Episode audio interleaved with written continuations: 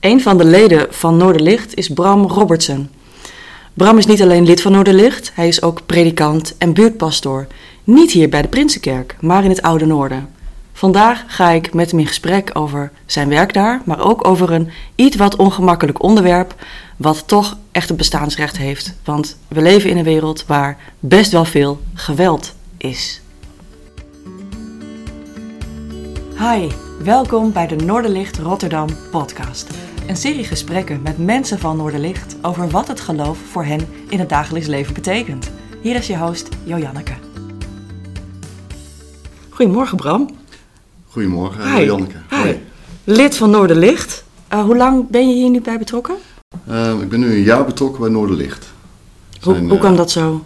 Ja, hiervoor was ik uh, gewoon gemeentepredikant in Hennekido Ambacht. En nou, daar heb ik uh, eind vorig jaar afscheid genomen. Mm -hmm. Een aantal heel mooie en goede jaren. En toen uh, zijn we half december hier naar Rotterdam verhuisd. Trok het wat meer, de grote stad? We hadden altijd al wel, mijn vrouw en ik, wel het verlangen om een keer echt in de stad te gaan werken. Ehm, we hadden eerder ook in Delfshaven gewoond. Daar ook gekerkt in de Pelgrimvaderskerk. Ook daar een korte tijd betrokken geweest bij de dialoog tussen moskee en kerk. Dat vond ik altijd wel heel intrigerend. En daarnaast was ik postbode in Rotterdam-Zuid en in het centrum. En ja, ik, ik had altijd wel iets met de stad. Er, er gebeurden altijd wel gekke dingen en, en het leeft, het bruist. Het is niet vanzelfsprekend. Uh, dus ja, dat trok altijd al wel uh, aan mij. Wat bijzonder. Ik hoor uh, dat je predikant bent. Dat je mm -hmm. daarin dingen deelt met mensen. Dat je mensen met elkaar verbindt. En dat je natuurlijk ook een boodschap hebt. En dan ben je ook postbode geweest.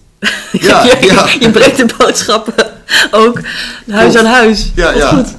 Doe je dat nog steeds? Of is dat Nee, nu gewoon... niet meer. Nee, dat was een bijbaantje naast mijn studie. Oh, wat leuk. Ehm, en dat heb ik best wel een aantal jaren gedaan. Ehm, en ik vond het heel leuk, omdat je gewoon eh, eerst op kantoor bent. En dan heb je daar eh, contact met je collega's. En vervolgens ga je de straat op door weer en wind. En je ontmoet mensen, je spreekt mensen, je maakt soms dingen mee op straat. Dat vond ik altijd wel eh, heel leuk. En, Eigenlijk is het bijna hetzelfde, hè?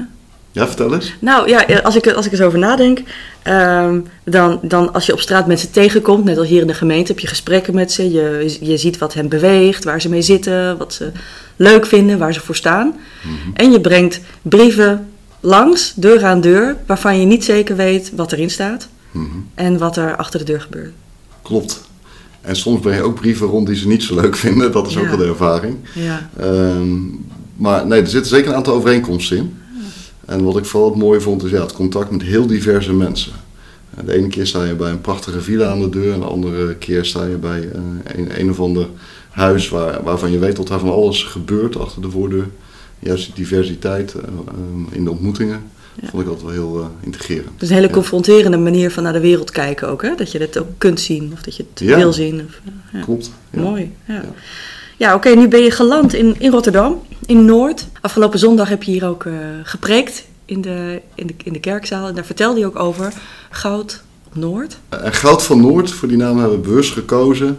eh, In samenwerking ook met Neer. Die ons echt ook hebben geholpen bij... Neer, wat is dat?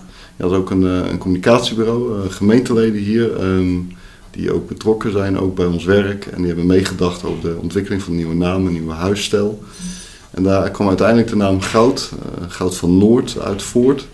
Omdat we ook naar de mensen in de wijk willen kijken als, als ja, dat vanuit het evangelie zin ook een schat in hen eh, verborgen ligt. Die eh, soms latent aanwezig is. Ehm, en nou, dat we ook willen gaan voor goud in Rotterdam. Ehm, en dat we ook, nou ja, een van onze kreten is ook, jij bent goud. Mhm. Dus dat we zo vanuit het evangelie ook naar mensen willen kijken. Dus dat er een schat in hen verborgen ligt. En, en soms moet je helpen met hen om die schat te ontdekken. Omdat die eh, schat soms ondergesneeuwd is door alles wat ze meegemaakt hebben in hun leven. En dan is Ja. wel heel gaaf als je nou, soms met elkaar weer die schat naar boven weet te halen. Dat mensen hun, eh, hun kwaliteiten, eh, hun krachten ook weer in kunnen zetten. Ook voor de samenleving. En nou, dan zie je soms ook mensen opbloeien. En, Ja. en dan zie je dat ze wat zelfvertrouwen krijgen. En nou, dat heeft dan een geweldig positief effect. Niet alleen op henzelf, Mhm. maar soms ook op hun gezin, op hun kinderen. Eh, ja, dat is heel mooi om eh, dat te zien gebeuren en eh, daarbij betrokken te zijn. Wat mooi En- om dat proces En je leert er zelf ook heel veel van trouwens. Wat leer je ervan? Ehm, nou, dat dingen niet zo zwart-wit zijn. En eh, dat er heel veel omstandigheden zijn waar je niet altijd evenveel aan kunt doen. Soms wel natuurlijk. Ehm, maar dat, is, dat er soms dingen gebeuren in mensenlevens die mij ook hadden kunnen overkomen. Ja. Ehm, en dat dat soms wel effect heeft op de rest van je leven. En, En misschien wel een stempel opdrukt ook, hè, voor een tijdje. Ja, Ja. klopt. Ja. En wat ik dan ook wel heel mooi vind, en daarom noemen we die mensen ook helden, ehm, omdat je soms ziet dat ze van alles hebben meegemaakt in hun leven. En, en dat ze toch weer iedere keer zeg maar weer doorgaan en, en weer de draad oppakken en niet bij de pakken gaan neerzetten. En dat vind ik wel geweldig indrukwekkend om te zien. Want soms dan hoor je wel eens verhalen en denk je, jongen, jongen, dat, hoe kan het allemaal samenkomen in één mensenleven? En dan is soms iemand nog geen eens volwassen, soms nog tiener. En dan heeft hij weet ik niet wat meegemaakt. Ehm, en dan toch weer eh, de moed eh, bij elkaar eh, rapen om, om toch weer verder te gaan. En ja, dat vind ik echt, ja. Veerkracht. Ja, klopt. Inspireert je dat ook? Veerkracht? Inspireert me, ja. Ja. Klopt. Heb je zelf eens momenten gehad dat je veerkracht nodig hebt gehad? Of zit je meer aan de kant van ik mag het bewonderen bij een ander? Wat allebei. In veel opzichten wel. Eh, denk ik dat ik het mag bewonderen bij anderen. Ehm, als het gaat om veerkracht, waar ik het zelf nodig heb gehad, dan hangt het misschien vooral niet zozeer met mijn omstandigheden samen, maar meer met mijn eigen karakter. Eh, ik ben wel aan het doorzetten, ehm, maar ik, wat ik soms lastig vind bij mezelf, ehm, nou, mijn eigen onzekerheid in bepaalde dingen. En dat, dat, dat vind ik wel eens lastig, zeg maar. Dan vind ik het wel heel mooi om te zien hoe anderen zeg maar, die veerkracht hebben om dan toch telkens weer de draad op te pakken en weer verder te gaan. Ehm, en dat inspireert mij dan wel, ja. Om ook met die onzekerheid, soms over mijn eigen kunnen, zeg maar, wat ik wel kan of niet kan, om daar goed mee om te gaan. Mooi om te zien. Ook omdat, eh, ja, ik herken dat soms wel, ook, ook in mezelf. Hm. Ik heb ook het een en ander meegemaakt en eh, vroeger voelde ik me veel zelfverzekerder. Mhm. Ging alles makkelijker. En op een gegeven moment gebeurden een aantal dingen in mijn leven waardoor ik eigenlijk het zelfvertrouwen nagenoeg was verdwenen. Dat het heel lastig was om, eh, om het te herpakken. En af en toe voel ik dat nog steeds wel. Ja, En ehm, wat ik heb, ge- heb ontdekt, ook eh, sinds dat ik hier eh, ben gaan bijdragen, ja, dat is dat op het moment als je even niks meer te, te geven hebt, als je dat denkt, hè, van die, Ja. dat je jezelf even niks meer kunt geven, of dat je Ja. Eh, onzeker bent over of je iets wel goed kunt, ja. dat ik dan juist, juist iets ga doen voor een ander. Oké. Dus dat... eh, Ja, Eh, en soms geef ik dan iets weg. En dan geef ik, bijvoorbeeld, Ja. maak ik een tas en dan doe ik daar kleding in en dan geef ik het aan de kledingbank. Ja, Of ehm, ik ga op bezoek bij iemand die normaal bijna geen bezoek krijgt. Of Mhm. ik los iets op voor een ander, wat voor mij makkelijk is. Ja. Ehm, terwijl ik dan mijn eigen probleem of mijn eigen uitdaging nog een beetje parkeer. ja, ja. Eh, maar dan haal ik daardoor, doordat ik het ook voor een ander doe, ook weer een beetje de moed voor mezelf om het, om het te zien dat het helemaal niet zo heel moeilijk hoeft te zijn. ja. Want voor een ander is het soms makkelijker dan voor jezelf, hè? Klopt. Ja, En- dus juist iets geven, dat, dat geeft ook, dan haal je iets bij jezelf weg, lijkt het. Mhm. Maar ik probeer dat te zien als ruimtemaker, Ah, waar de moed in mag zakken. Dat vind ik wel heel mooi gezegd. Ja, Ja, ja. Dus daar hou ik mij aan vast. Ja, oké. Ja, Dat is ook een soort van veerkracht, maar, of een soort van creatieve mind eh, dingetje. Maar ja, dus als ik het even niet meer weet, dan geef ik ze aan een ander. ja. Oké. Breekt Dus jij, maakt echt een concrete activiteit van. Ja. eh, Ja, ik maak dat heel praktisch. Als het, als het even in mijn hoofd of in mijn hart eh, of in mijn zenuwen niet lukt, ja. dan doe ik het praktisch, ja. Voor, ja. Ja. Ik merk bij mezelf dat ik dan vooral iets eh, heb met Benedictijnse spiritualiteit. Vertel. Eh, dus dat ik even, ehm, juist eh, even inkeer in mezelf eigenlijk. Even gewoon ehm, zoiets heb van, hé hey, Bram, je hoeft helemaal niks hoog te houden. Ja. Je mag gewoon jezelf zijn. God heeft je zo gemaakt, dat is goed. Ja. Goed genoeg. Ehm, en niet van die soberheid, die eenvoud van het Benedictij- Benedictijnse leven. Misschien ook wel gekoppeld aan een tikje mindfulness. Eh, dat vind Ja. ik dan altijd wel heel bevrijdend of zo. Gewoon Heel veel bij God en bij jezelf blijven. En alle eenvoud. eh, en, en daar iets van rust en vrede in vinden. Ja. Dat, dat helpt mij dan. Maar misschien ben ik niet zo'n doener, dat is mijn vrouw meer. Kijk, af en toe heb je de stilte nodig om alleen even te voelen: ik ben en dat is voor nu genoeg. Ja, En ik hoef niks te doen, want ik ben nog steeds. Klopt. Ja, dus dat, ja, dat, dat, ja. Maar soms als het dan te moeilijk is om het te geloven, omdat je toch denkt: ja, maar ik ben wel onzeker. Ik ben wel, maar ik. Weet je, dat je er even klem zit. Dan, dan, dan kan het soms helpen om je in, in beweging te krijgen. Ja. Een bepaalde actie. Ja, nee, ik merk in ieder geval bij mij werkt het dan weer net even anders. Maar eh, Ja. met die Benedictijnse spiritualiteit, Mooi, inspirerend. dat, eh, dat helpt me heel erg. Ja. wat fijn. Ik weet zeker dat, eh, dat andere mensen bij Noorderlicht daar ook veel aan, aan kunnen hebben. Ja, ik weet nog zo'n boekje van Wil Derksen. Ja, nu zit ik het onderstiekem reclame te maken. Dat Kom maar door. Geze- gezegend leven. Eh, en dat was voor mij wel heel eh, bevrijdend. Dat was wel een eye-opener. En wat, wat was dat? Nou, dat gaat echt over die eenvoud van het Benedictijnse leven. En dan ook leven bij die getijden eh, van, van de dag. Iedere keer van die momenten hebt om, ook, ook waarin je die verstilling zoekt, waarin je God zoekt. Ehm, en, en daartussendoor ook gewoon die soberheid, die eenvoud van het leven. En ehm, ja, niet allemaal druk doen en zo, maar gewoon eh, juist in die soberheid, in die eenvoud rust vinden en vrede. Ehm, en daar ook iets van geluk in vinden. Mooi. En dat die eenvoud, die, die rust, die soberheid ook alles met God, eh, met Jezus te maken heeft. Ja. Dat, eh, Het brengt de boel dichterbij. Ja, dat, dat helpt om, om jezelf ook meer als een eenheid te zien, zeg maar. Mooi. Dat je in plaats van dat je allemaal eh, kleine stukjes uiteenvalt, zeg maar. Van hier doe je Ja. zo voor en daar zo. En je mag gewoon de mensen uit één stuk, zoals God je gemaakt heeft. Ja. Ja, de spiritualiteit van de Benedictijnen. Mhm. Ja, die, die, die geeft je wat meer basis. En eh, houdt je, geeft je houvast in tijden van wat meer onzekerheid. Ja, en dat is ook een weg waarop je kunt gaan. En ik denk ook dat liturgie eh, heel erg kan helpen ook om, om je weg in het leven te vinden, zeg maar. Dat je leeft met de liturgie ook eh, in de kerk, Ehm, ook het kerkelijk jaar door. En dat geeft iets van een houvast, een richting en ja, dat vind ik zelf heel, heel prettig. Ja, de natuurlijke loop eh, van dingen. Ja, Ja, mooi.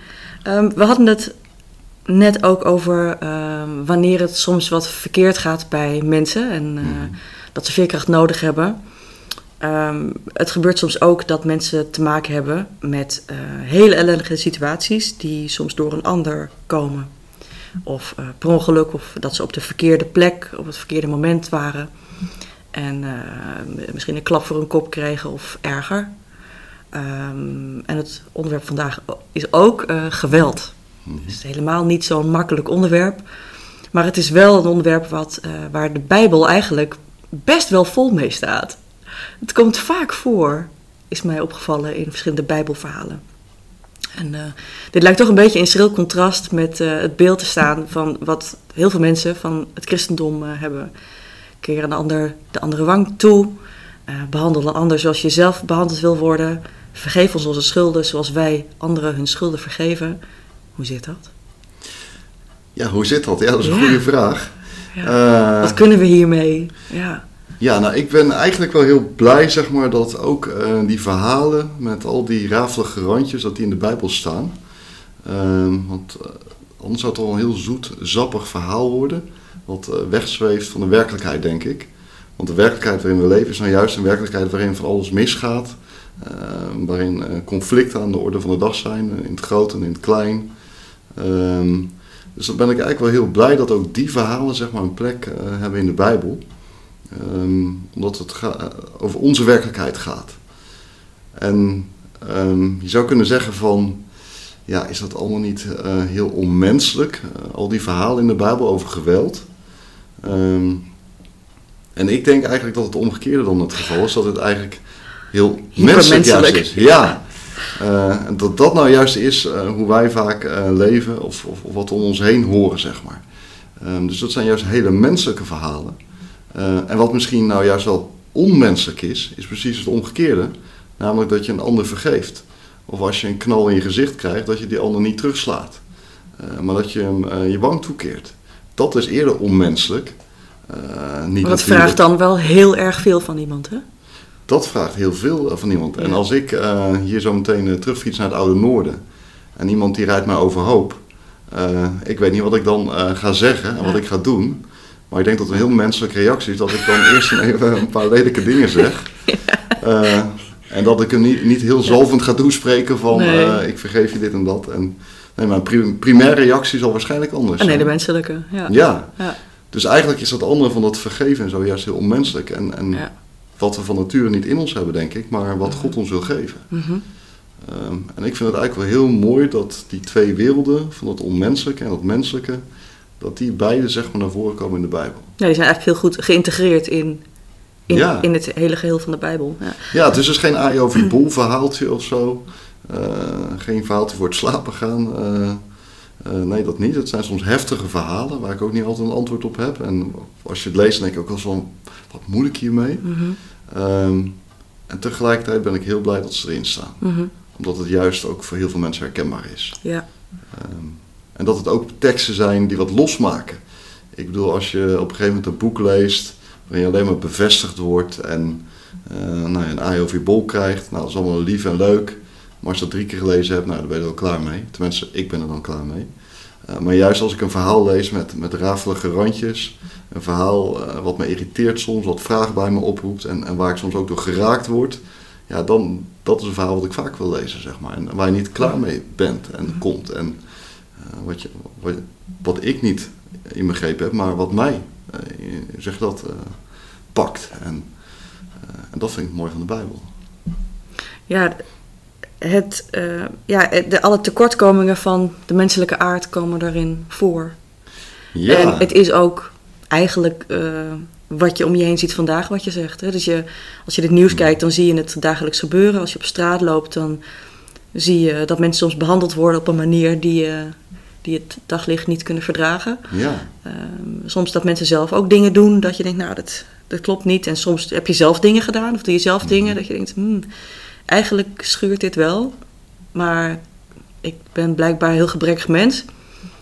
Hè? Dus dat, dat, dat je ja, die, die kanten naast elkaar ziet staan.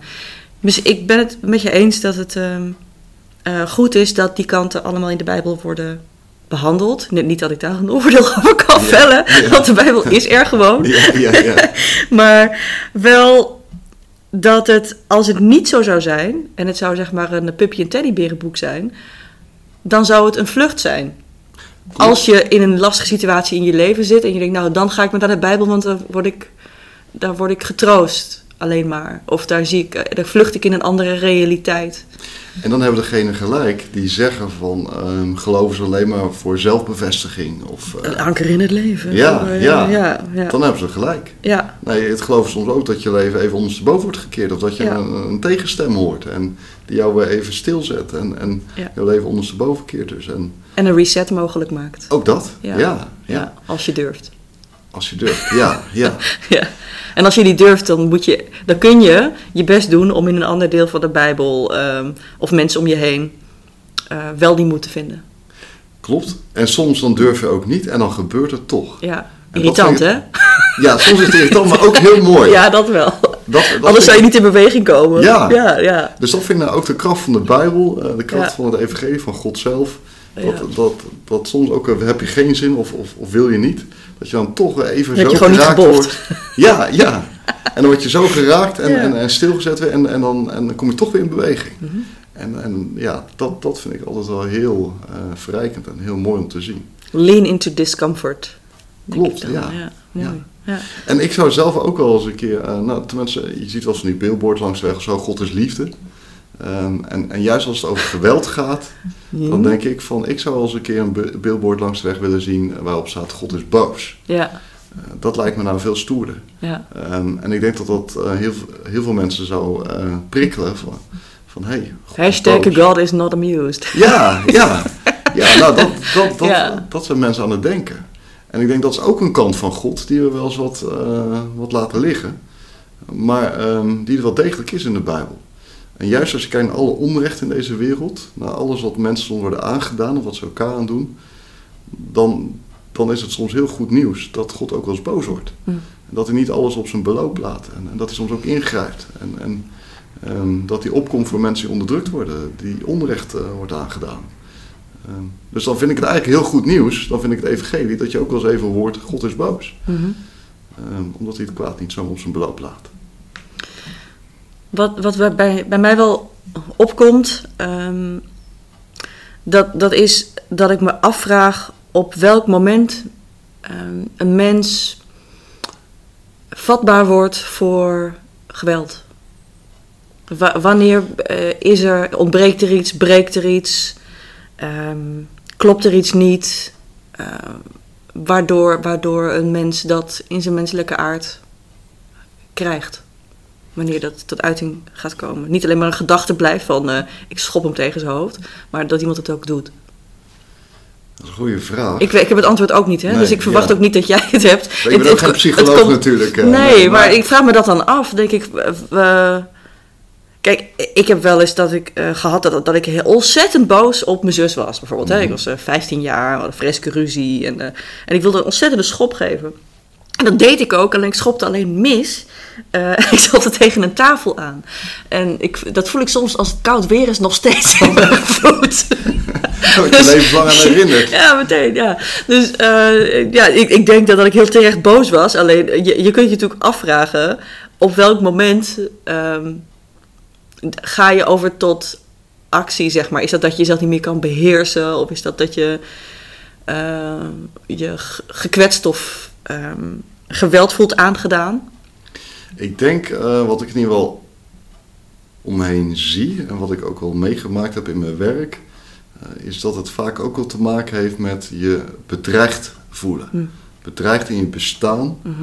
Ehm, op het moment dat dat gebeurt ehm, en je voelt je in de hoek gezet of, of wat dan ook, eh, dat, dat mensen zo kunnen gaan reageren. Eh, dat ze eh, nou, zelfs ook eh, niet alleen verbaal, maar ook echt fysiek geweld kunnen gaan gebruiken. Dus volgens mij is dat in ieder geval een belangrijke factor die daar wel een rol in speelt. Dat, dat iemand zich bedreigd voelt. Dat zie je natuurlijk ook op, op wereldniveau. Ook als culturen zich bedreigd voelen in hun voortbestaan. Dat ze heel defensief worden. Nou, je hebt natuurlijk ook al dat iemand sprak over de clash of civil, civilizations. Nou, dat van die culturen met elkaar gaan botsen. Juist omdat ze zich bedreigd voelen in hun Mhm. voortbestaan. Eh, en, en dat daar dan geweld ook eh, eh, bij komt kijken. Hm. Ik denk dat dat in ieder geval een... eh, Fascinerend. Ja, ik heb ook wel eens dat, dat, dat mensen voor mij en andere mensen ehm, op straat spugen bijvoorbeeld. Hè?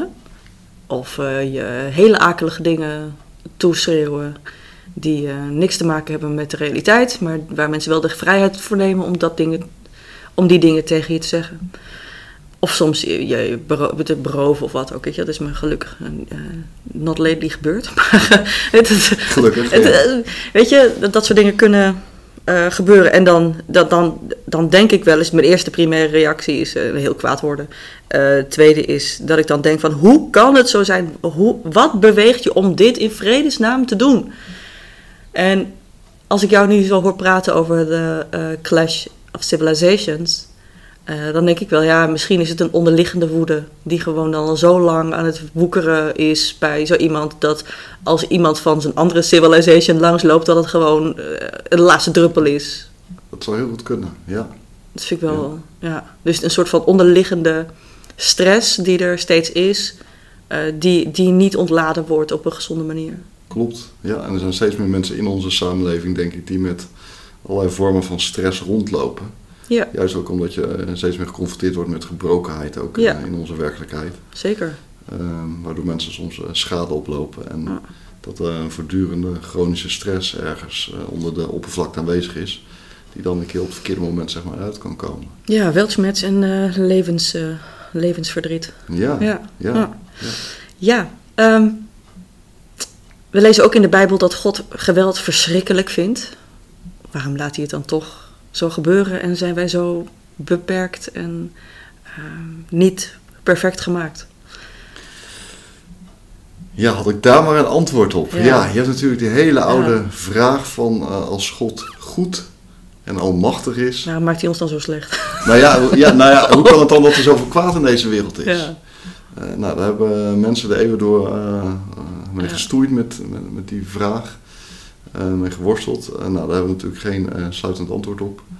Ehm, maar het is natuurlijk wel een vraag die iedereen ergens wel herkent. En, en, ehm, eh, ja, wat ik zelf ook een vraag vind. Ehm, wat ik in ieder geval wel zie in de Bijbel, is dat je ergens wel een verschuiving ziet. Als je kijkt naar de eerste vijf boeken van de Bijbel, de Torah, Genesis tot en met Deuteronomium, dan zie je zeker ook met de inname van het land, het beloofde land, Canaan, dat soms hele eh, steden worden verwoest. Ja, Ehm, dat dat nou, Hoe dan? soms Ja. duizenden mensen bij een militaire operatie omkomen.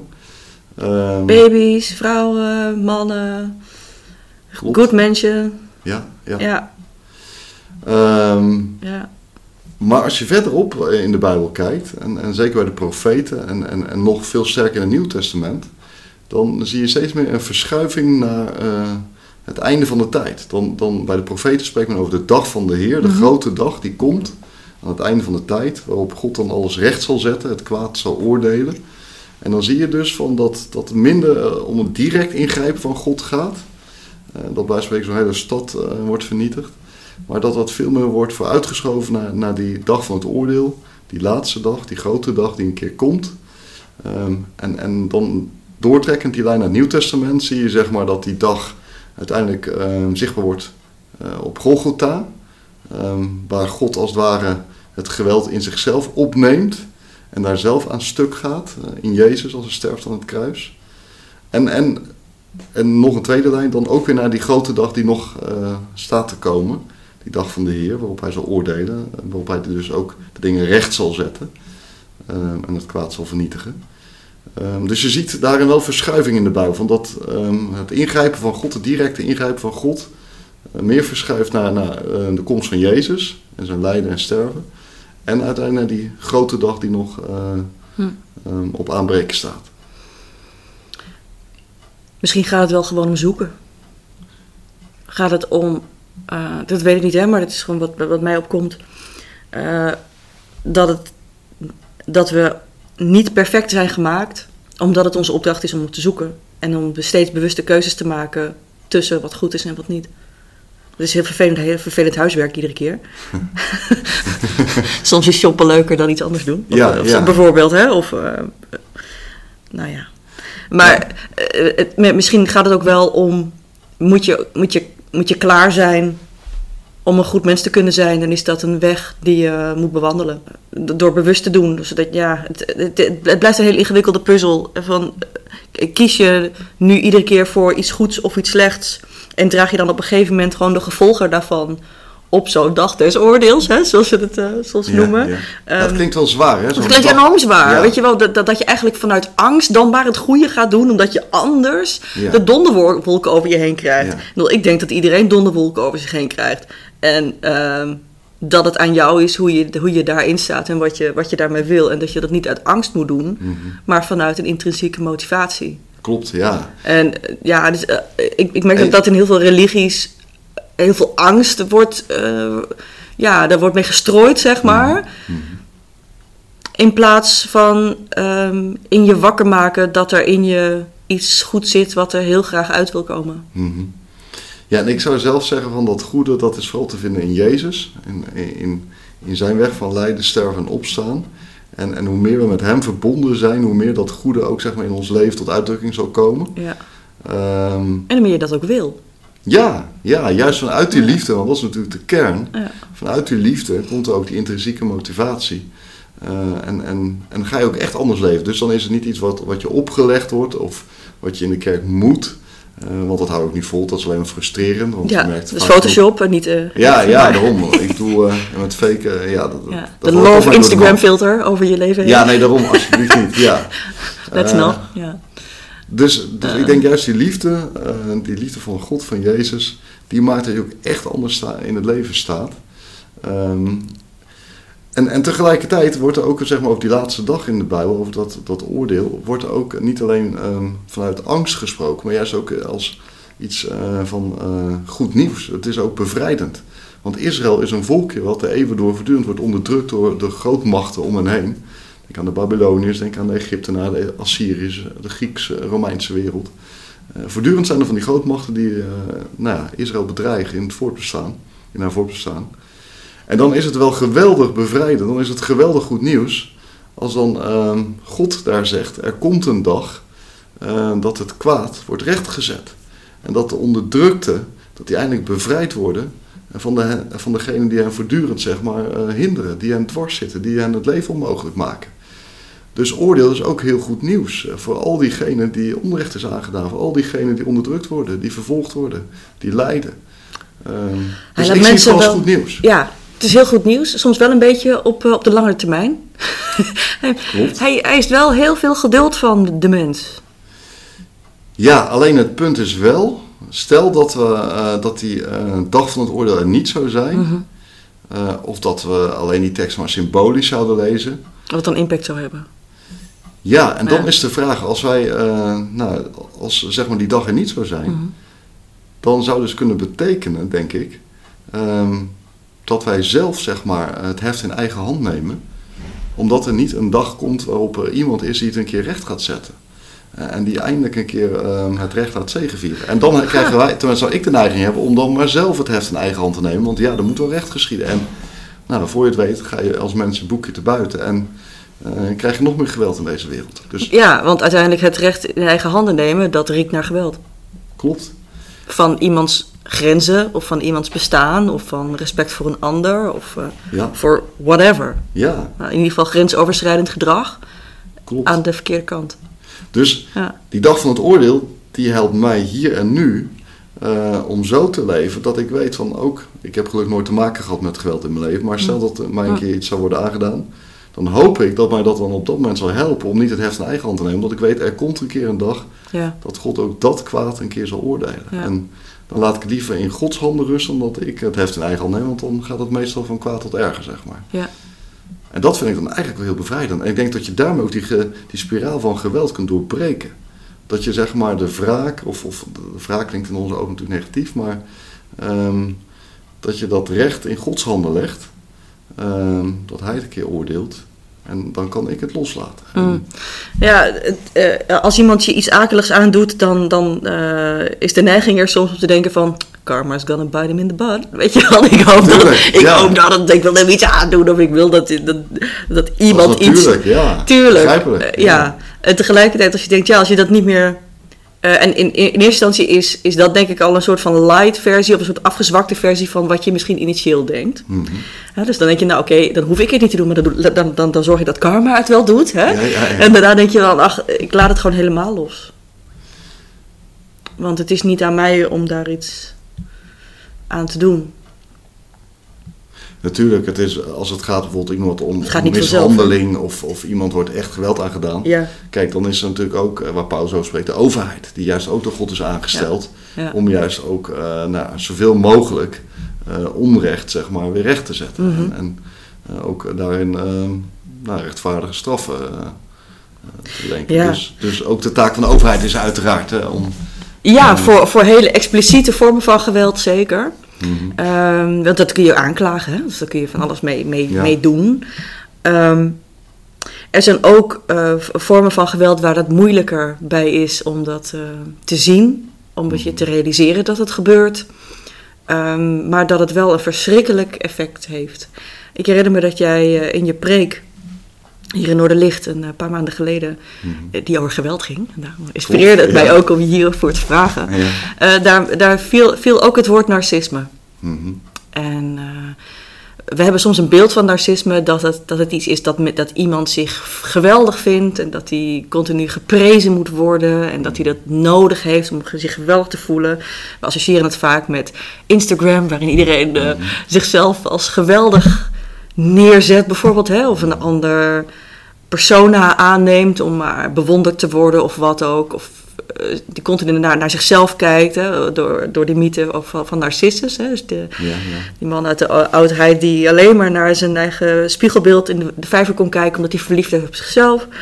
Dus dat, we zien dat best wel wat om ons heen. Alleen eigenlijk is wat narcisme echt is, niet zozeer denk ik dat iemand dol is op zichzelf, maar zichzelf eh, eigenlijk een beetje haat. Misschien, hè? Dus dat hij eh, zo kwetsbaar is en een hekel heeft aan die kwetsbaarheid, dus dan maar iets anders van zichzelf maakt.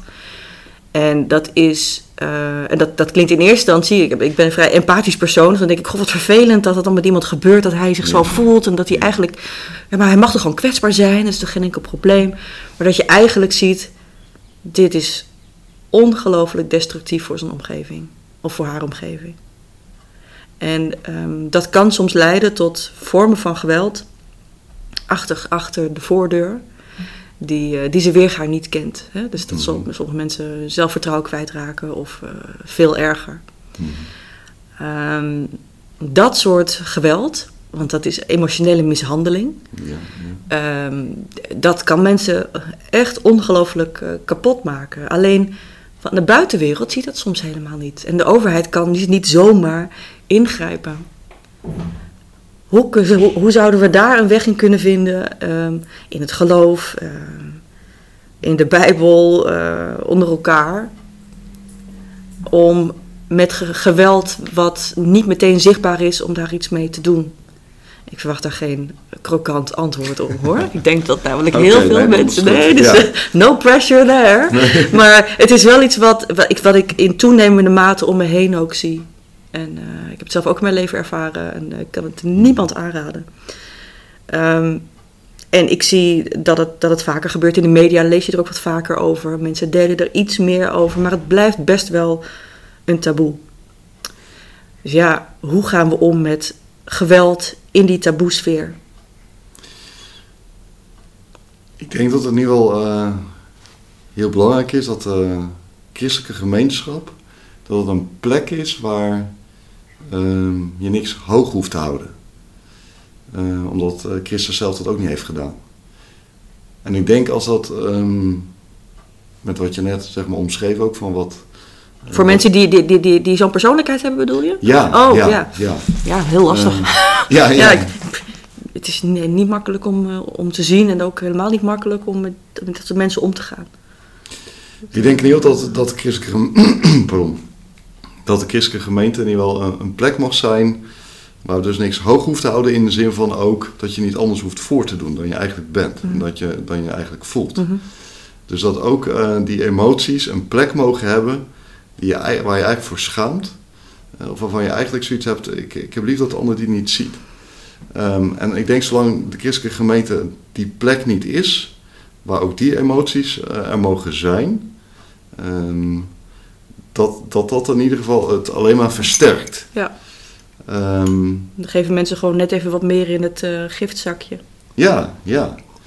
En ik denk in ieder geval ook dat het voor ehm, mensen die bij spreken ook eh, huisbezoek doen in, in, in, in christelijke gemeenten, dat die ook daar heel alert op zijn van hé, hey, ehm, is hier ook sprake van een vorm van racisme?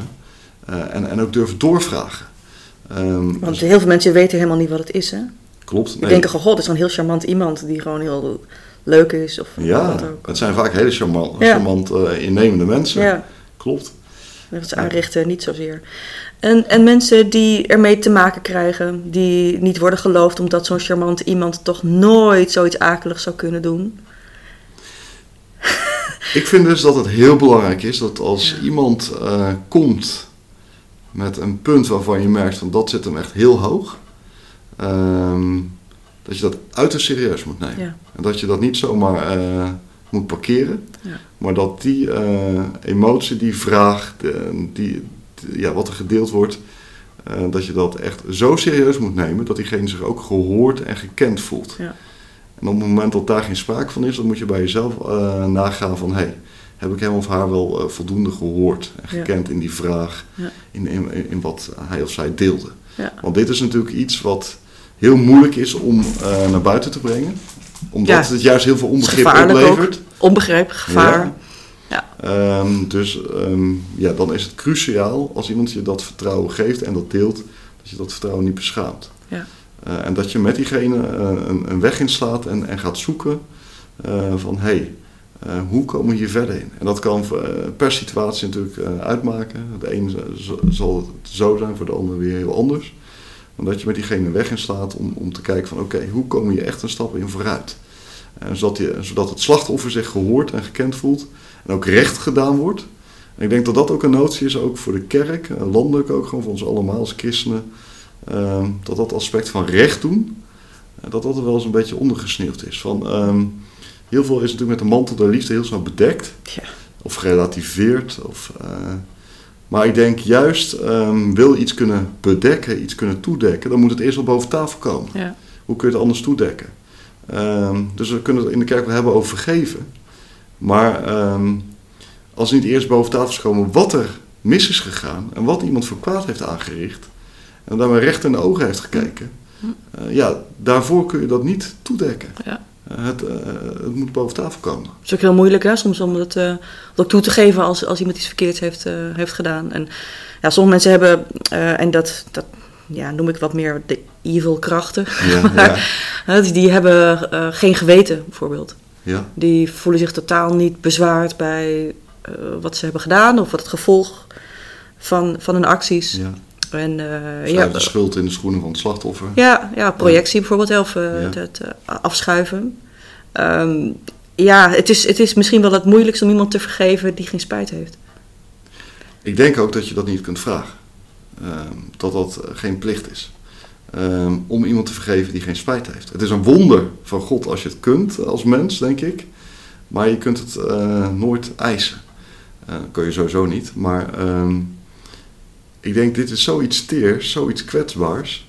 Ehm, en het risico is aanwezig dat als zeg maar, die dader niet inziet wat hij verkeerd heeft gedaan, wat, hij die, wat, wat hij aangericht heeft bij die ander, en je vraagt dan aan het slachtoffer om, om die daden wel te vergeven, terwijl diegene geen eens probleem ziet, ehm, dan, loop je, dan, loop je dus, eh, dan loopt het slachtoffer het risico dat hij twee keer slachtoffer wordt. Ja, Namelijk van wat hem is aangedaan en ook ehm, omdat hij volgens ook nog eh, moet gaan vergeven, ja. eh, terwijl die dader geen eens een probleem in ziet. En de buitenwereld je niet eens gelooft. Ja, Ook ja nog. dus een driedubbel Ja, slachtoffer. het is Ja, echt een, super Dus eh, moet interessante zijn. cocktail. Ja. Die kerk moet er juist zijn voor die slachtoffers. ehm, voor, voor degene die onrecht is aangedaan. En kijk, wat je hoopt, waarvoor je bidt, is dat die dader wel tot inzicht komt. En, en dat hij iets gaat zien van wat hij heeft aangericht. En wa- wanneer ik heel hoopvol ben, als er iets van beweging te zien is. Eh, kijk, de realiteit is vaak dat men eh, niet eh, Mhm. tot een totale schuldblijns komt. Maar als ik al iets van beweging zie bij, bij die dader, dan ben ik al heel dankbaar. Want dan, dan, dan gebeurt al iets. En dan hoop je dat er meer beweging komt. Ehm, maar als die beweging ontbreekt. Eh, Interessant. Ik, eh, ik zag deze week ehm, de film The Irishman. ja, En Dat is een maffiafilm hè, met Ja, Robert De. Niro en gezien, eh, El Pacino. Geeft niet. Eh, ik wilde hem al een tijdje zien. mhm. Ehm, en ik zal geen spoilers geven, want het is niet leuk voor mensen die het nog niet gezien hebben. Maar er is, er is één, frag- één fragment waarin eh, Robert De Niro, eh, de, de protagonist in die verhaal, Mhm. de hoofdpersoon in het verhaal, die, eh, eh, die gaat op een gegeven moment met een priester in gesprek. En die priester vraagt hem van, eh, heb je spijt van wat je hebt gedaan? Kijk, heb, je- heb je spijt van wat je hebt gedaan? Wil je ver- vergeving? Of, eh, he- voel je iets bij wat je gedaan hebt? Hij zegt, nee, eigenlijk, eigenlijk helemaal niet. En die priester die is echt aan het zoeken en zoeken naar een sprankje berouw Mhm. om dat maar dan te kunnen vergeven. hè? Ja, ja, ja. En, eh, en op een gegeven moment dan, dan, dan geeft hij het ergens op en dan schakelt die priester door naar een modus van. Ook als je de intentie hebt om berouw te hebben, kan er iets vanuit die basis vergeven worden. Ook als je het misschien nog niet voelt. Oh, echt? Dan dacht ik, ja. wauw, dit doet wel heel erg zijn best. eh, maar misschien is dat ook wel een beetje het ontkennen van de realiteit op dat moment. Het oogt heel pastoraal. Het, het oogt heel maar volgens mij helpt het niet. Nee, in tegendeel. Nee. Ik denk juist ook van... eh ehm zachte heelmeesters maken stinkende wonden. Enorm. Daar moest ik aan denken. Ja, Het is allemaal goed bedoeld. maar het helpt Maar- helemaal niet. Nee, en ik denk soms is het ook de taak van de pastor om eh, niet alleen maar vergeving aan te zeggen. Want dan wordt uh, vergeving ook iets goedkoop. Ja, dan wordt het ook iets goedkoops. Eh, van je strooit ermee rond en, en je gooit het te grabbel. Nee, het is iets teers, iets kwetsbaars, want het heeft Jezus alles gekost. Dus Ja. laten wij dan ook voorzichtig mee omgaan. Ja, Ehm, dus precies wat je zegt, soms is het de taak om iemand te confronteren. ja. Maar het interessante is, als iemand geconfronteerd wordt met iets waar hij dan nog steeds niks bij voelt, Mhm. dan ontstaat er frustratie bij degene die wil confronteren. Van, maar hoe kan het zijn dat je dit niet laakbaar Ja, vindt? ja, ja. Ja, eh, en dan niks. Ja. Weet je, dus dat. de- Er zijn, denk ik ook. eh, ja, het klinkt heel erg ehm, ja, dramatisch, maar wel evil forces. Hm. Ook hier om ons heen, waar we te maken mee hebben en eh, waar we geen berouw van hoeven verwachten. Klopt, en ehm, je bent er als pastor ook niet of als priester niet om alles op te lossen. Ehm, er zijn heel veel situaties die niet oplosbaar zijn, of die zo complex zijn en die je vanuit zoveel perspectieven kunt bekijken dat er geen kant-en-klare oplossing voor is. En, en dan is het de taak, denk ik, om in die spanning te blijven staan. Hm. En, en als je niet in die spanning kunt blijven staan, dan, dan zegt dat ook iets over jezelf en over je eigen theologie, denk ik. Mhm. Maar volgens mij moet je juist in die spanning durven blijven staan dan. Mhm. En niet altijd willen oplossen, want soms is er gewoon geen goede oplossing. Mhm. Is moeilijk ook, hè? Ja, Ja. ja, Ja. ja. Interessant. Ehm, Er is ook nogal wat verschil als ik eh, naar de verhalen in de Bijbel kijk. Hè, bijvoorbeeld eh, de zondvloed bijvoorbeeld. Eh, wie er gered wordt en wie niet. Noach zit in zijn zelfgebouwde ark met zijn gezin en alle dieren ter wereld in duo's. Ook vlooien. Eh, maar de rest van de... En van- muggen. en muggen. En Die wespen. meegehoeven van mij, maar... En slangen. Ja. En vleesetende, eh, eh, vleesetende planten. Ehm, oh nee, het zijn geen dieren. Ja, toch wel. Maar de rest van de mensheid wordt opgeruimd, tussen aanhalingstekens. Op een andere plek in de Bijbel trekt Jozua het land Canaan binnen en vernietigt stad voor stad. Want het waren toch wel echt hele slechte mensen. Hoe ruim je dit? Wie, wie, ja, God bepaalt wie dan goed is en wie niet. En in de slipstream komt er allemaal, in slecht Nederlands, collateral damage. Allemaal andere, ook eh, goede mensen die toch echt dan ook meegaan. Want dat is dan een offer. Hoe, hoe moet ik dit zien? Ik heb daar wel moeite mee. Ja, nee, ik kan me goed voorstellen. Ja, dit zijn gewoon hele lastige teksten. Die natuurlijk heel veel vragen oproepen.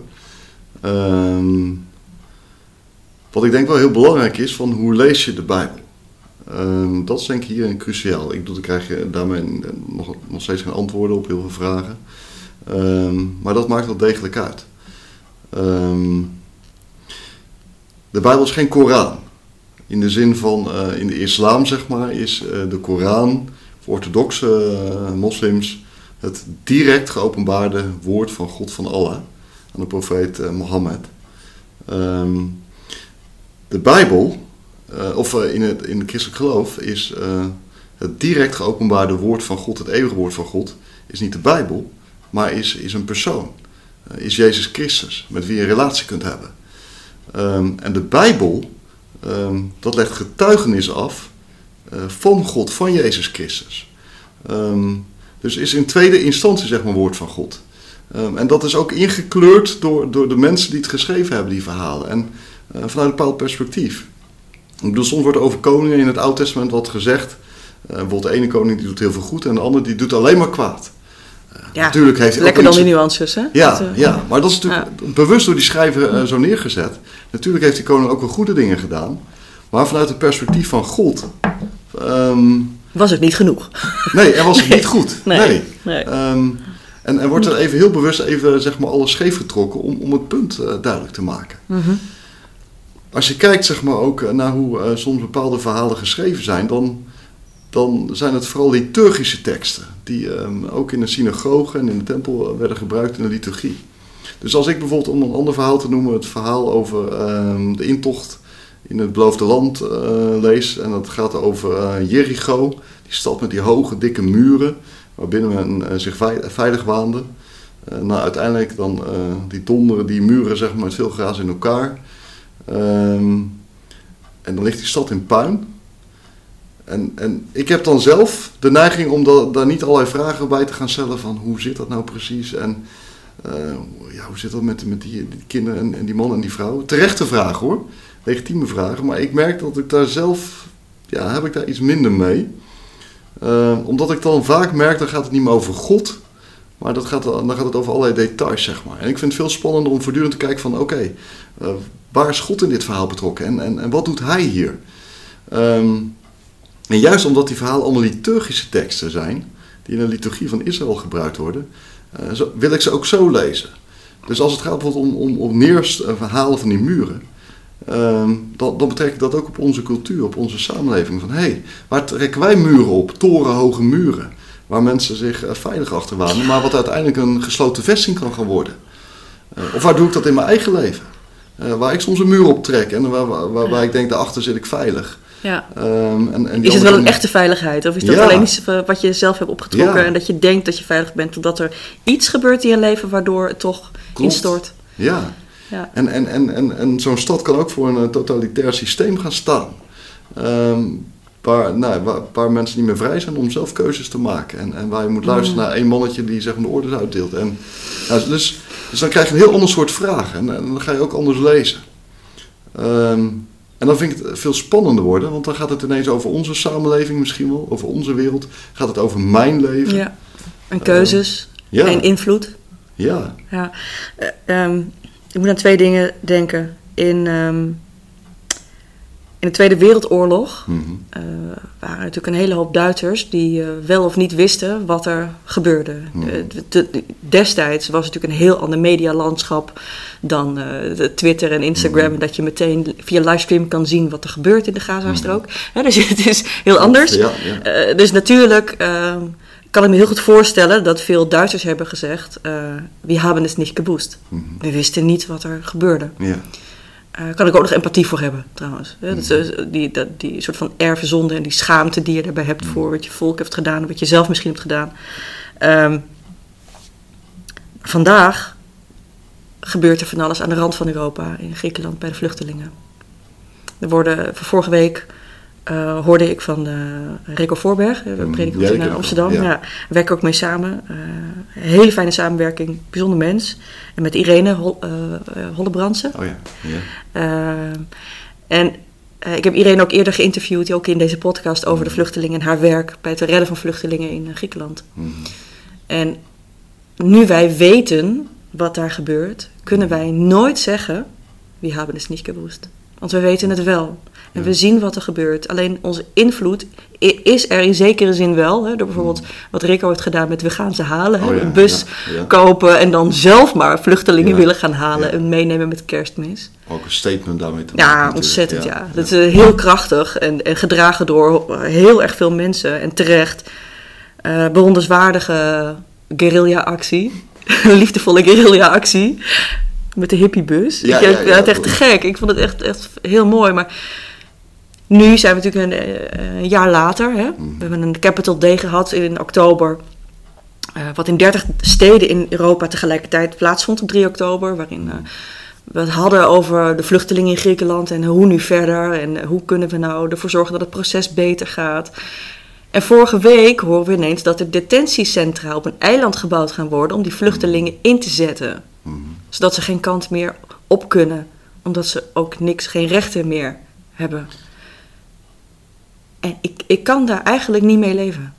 Ik vind het eh, zo onmenselijk dat wij als Europa Mhm. die mensen zo'n geweld aandoen. Ze zijn getraumatiseerd. De helft van de familie is verdronken op de Middellandse Zee.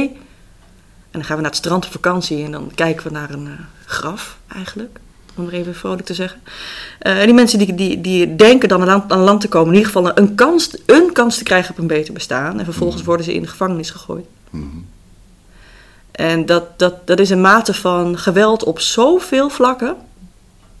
Detentie en geen kansen geven, geen menselijke rechten geven. eh, eh, niet omgaan of niet helpen bij het verlies wat ze hebben geleden. En wij als Europa kijken ernaar en denken: ja, dit is eigenlijk een soort van Tweede Wereldoorlog. Alleen we kijken ernaar en we doen niks of we vo- voelen dat we niks kunnen.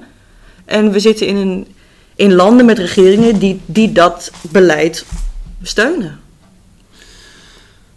Ja, Eh, ik- Hoe, ja. hoe, hoe- ja, hoe, is het, hoe is het dan, ja, hoe het voor mij is als, als individu in te- ten opzichte van die grotere, grotere wetten, dan denk ik, nou, dan ben, ben ik geneigd om de bus van Rico te stappen en zo, zo op te halen. Ja, gaan ze gewoon toch stiekem halen, weet Ja, je wel? We gaan ze stiekem halen.nl. Hè, dat zou natuurlijk... Maar ik vind die idealen die Rico heeft, eh, vind ik geweldig. Eh, maar ik heb ook wel eh, wat aarzelingen bij hoor. Dat, ik- dat ik het wel Vertel. wat idealistisch vind. ja, de werkelijkheid is zo complex. Ook rondom dat vraagstuk met, met de vluchtelingen. ja, Er zitten zoveel kanten aan. Ehm, nou ja, dat het natuurlijk wel heel mooi is om, om, om, om, om die mensen hierheen te halen. ja, en, en dat daar zeker mensen mee geholpen zijn. Maar tegelijkertijd ben je er dan niet, zeg maar. Want, Nee. want na die groep komen er nog miljoenen Tuurlijk, deze kant tuurlijk. op. En op een gegeven moment...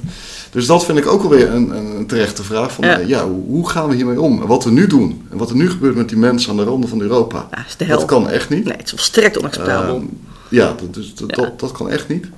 Maar wat dan wel, eh, dat vind ik echt een hele Ja, lastige. nou, wat, wat, wat er dus, eh, eh, ja, als je, als je kijkt naar het scenario Rico, dan heb je zeg maar een scenario. Je hebt ook een ander scenario, wat er wat zeg maar nu gebeurt, is dat mensen dekens gaan sturen naar die kampen.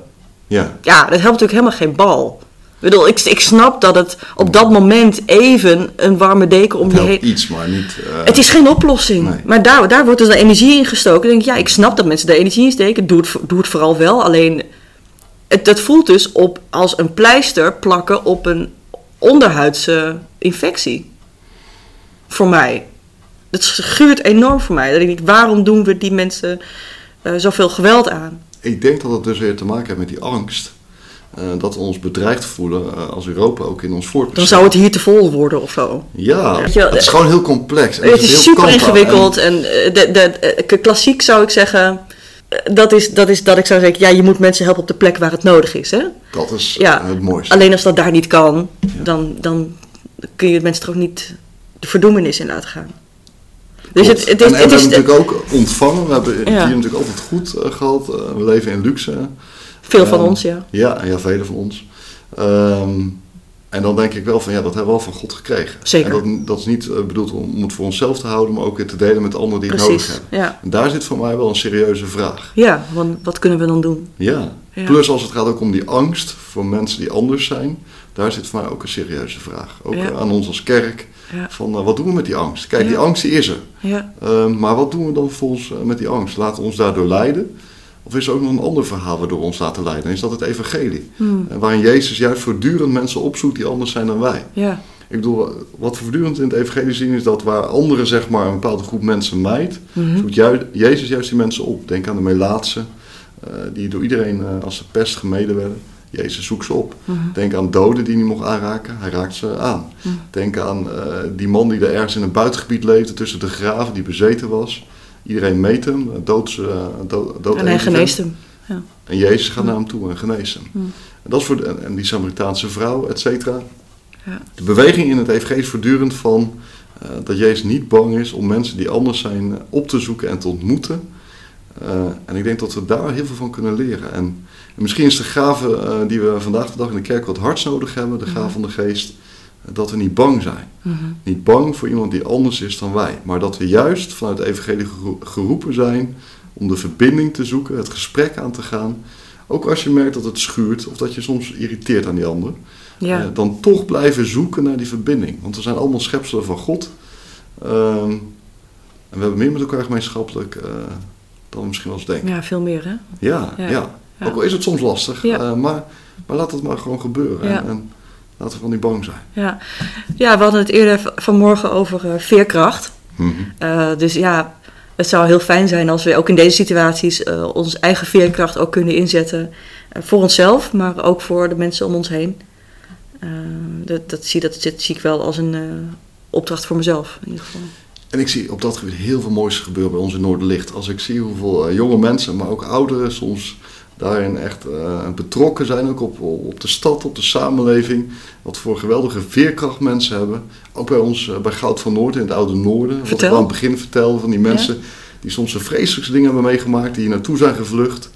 Ehm, die echt gruwelijke dingen hebben meegemaakt. Soms in Afrika of in het Midden-Oosten. En die dan toch blijven geloven in God en Jezus. Ja. En dan met een geloof waarvan ik wel eens denk, zo, eh, daar zou ik ook wel iets van willen hebben, zeg maar. Ja. Ja, dat raakt mij en dat, dat, dat motiveert mij en dat inspireert mij. Als ik zulke mensen ontmoet. En ja, dat vind ik geweldig. En, Mooi. Ja. Hm.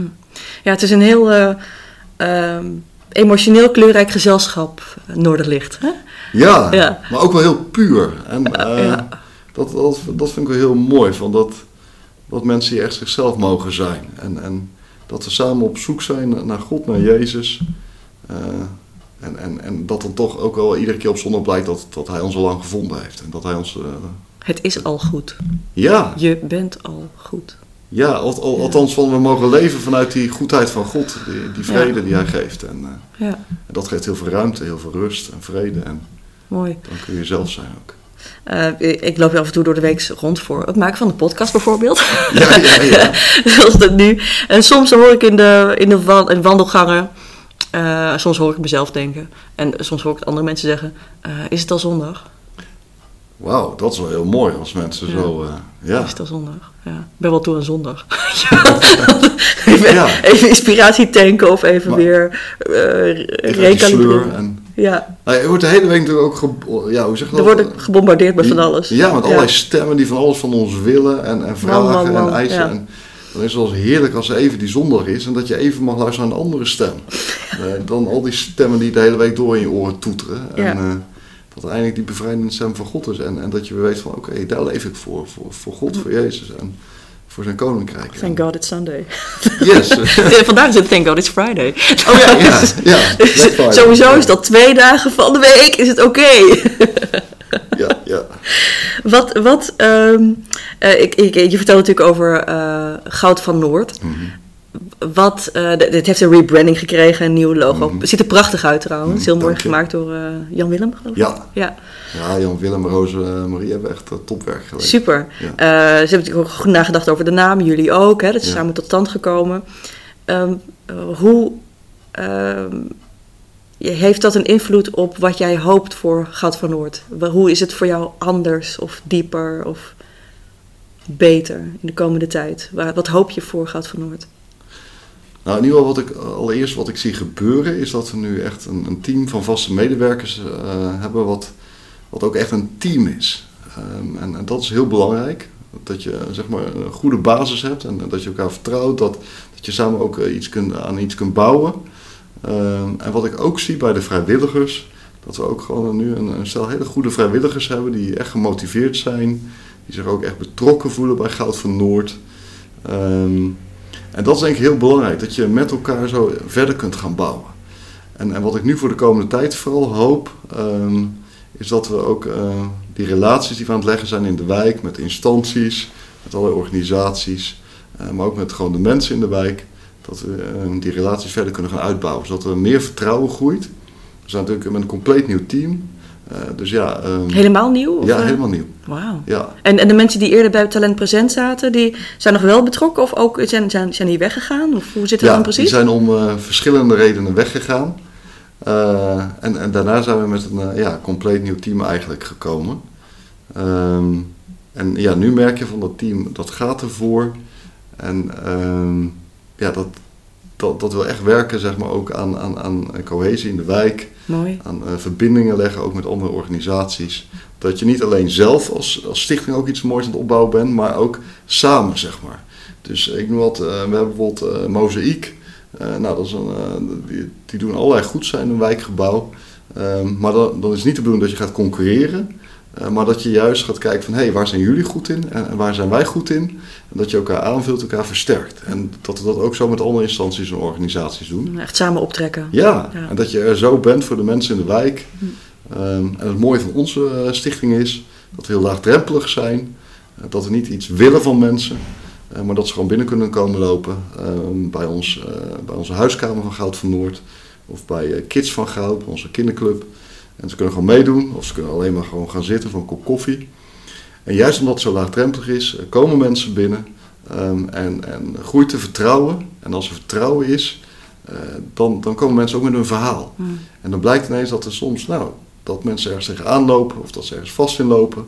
En dan is het heel mooi als je met elkaar kunt gaan kijk- kijken, hé, hey, wat zou daarin kunnen betekenen voor jullie? Of Mm. zou het misschien eh, eh, prettig zijn als contact opnemen met die instantie? Want ik denk dat die wel eh, daarin wat eh, zou kunnen betekenen voor je. Nou, en dan er vanuit dat vertrouwen wat gegroeid is, op een heel natuurlijke manier, is die relatie gelegd. En dan kun je mensen ook echt verder helpen. Mooi. Ja. Ja. Ja. Waar ben je trots op, als ik mag vragen? Want je bent een heel bescheiden, liefdevol, opengevend persoon. ja. Eh, en ja, bescheiden ook. Is er ook iets waar je, waar je trots op bent? Jazeker. Eh ik ben trots op eh, hoe iedereen zijn steentje heeft bijgedragen de afgelopen Ja. maanden. En dat je ook binnen een team ziet dat we heel verschillende kwaliteiten hebben. Ik heb mijn kwaliteit. Nou, Gelinda, mijn, mijn, mijn vrouw, die heeft ook haar kwaliteit. Dat is echt organisator, regelaar. Ehm, nou, Willem, die werkt ook bij ons als begeleider toeruster van de vrijwilligers. Nou, die is heel goed in intervisie. Geeft nu ook taalles. Dat is echt een docent. Ehm, nou, Arina, en, en dat is dan gezinswerk. En Annette is, is jeugdwerk. Die hebben ook zo'n kwaliteit. En, en dat vult elkaar heel mooi aan. En, en daar ben ik trots op dat we zo'n team nu hebben. En dat we met elkaar ook echt iets moois aan het neerzetten zijn. En ehm, dat heb je niet van de een op de andere dag gerealiseerd. Maar we zien echt heel mooie dingen gebeuren op allerlei fronten. En ehm, we hebben nog een weg te gaan. Maar daar ben ik echt trots op om te zien van wat daar gebeurt. En eh, hoe iedereen zo zich inzet. Van het team, de vrijwilligers, maar ook bezoekers. Hè? Ja, aan het begin wel eh, af en toe wat, eh, nou ja, soms op mopperde, want ineens kwam er een nieuw team eh, binnengevlogen. En die gingen de hele boel eh, veranderen. Ja, ja, verandering is altijd eng, hè? Ja, en, Oeh. ja, ja. ik begrijp dat ook, Ja. want ja, sommige van die mensen die komen al twintig jaar. Mm. En dan, dan zien ze dat hun hele wijk veranderd is. Waar Ja. ze al, van, echt van die oude Rotterdammers. Een hele wijk is veranderd, voelen zich niet meer thuis. Nou, dan was ehm, onze plek, was de enige plek eh, waar het niet veranderde. Een soort van eilandje in die wijk. Mm. En dan komt er ineens een nieuw team binnengevlogen en die gaat daar ook de boel veranderen. Ja, ik Mhm. snap dat dat eh, aan het begin wel even slikken Wat was. weerstand eh Ja. ja. En wat ik nou zo bijzonder vind, dat die mensen die toch wat ouder zijn, dan toch nu gaan meedoen, gaan aanhaken. Ehm, en dat ze dan zelfs bij spreken, nou, de gordijnen gaan helpen ophangen. Ehm, dat ze met cadeaus soms komen voor kinderen. Of daar hebben ze iets gekregen, nou, dat nemen ze mee. Want dat kan weer ingezet worden van anderen. Ja, daar word ik heel blij van. Ja, en dan ben ik echt trots op die mensen. Ja. Ja. Ja. Want eh, ja, die hebben heel veel zien veranderen in, in geen jaar tijd. En dan toch erbij blijven. Ja. eh, dat vind ik echt knap op die leeftijd. Ja. Ja, dus daar ben ik trots op. Mooi. Mooi om te Ja. horen. Eh, ik vond het een heel mooi gesprek. Dankjewel voor je openheid en voor het aannemen van deze uitdaging. Dank je. Ja. We, hebben de, we hebben de diepte niet geschuwd. We hebben de grenzen ook niet eh, geschuwd. Ik ben er zelf even overheen gegaan, bijvoorbeeld verontschuldigingen. Dat mag best hoor. Ja, nou ja. Ehm, ik heb er wel wat van, van opgestoken. En eh, ik hoop dat je het Ik ook, ook, een dus, ja. fijne ervaring vond. Dank je, dat was goed. Ja. Mooi, dankjewel. Oké. Dank je voor het luisteren naar de Noorderlicht Rotterdam podcast. Je kunt de afleveringen onder andere beluisteren op noorderlichtrotterdam.nl. Heb je een vraag die je graag in de podcast beantwoord zou willen horen? Stel deze dan via e-mail op de website. Of fiets even langs bij de kerk en geef het door. Wie weet beantwoordt de volgende aflevering dan jouw vraag. Je bent van harte welkom. Tot de volgende keer.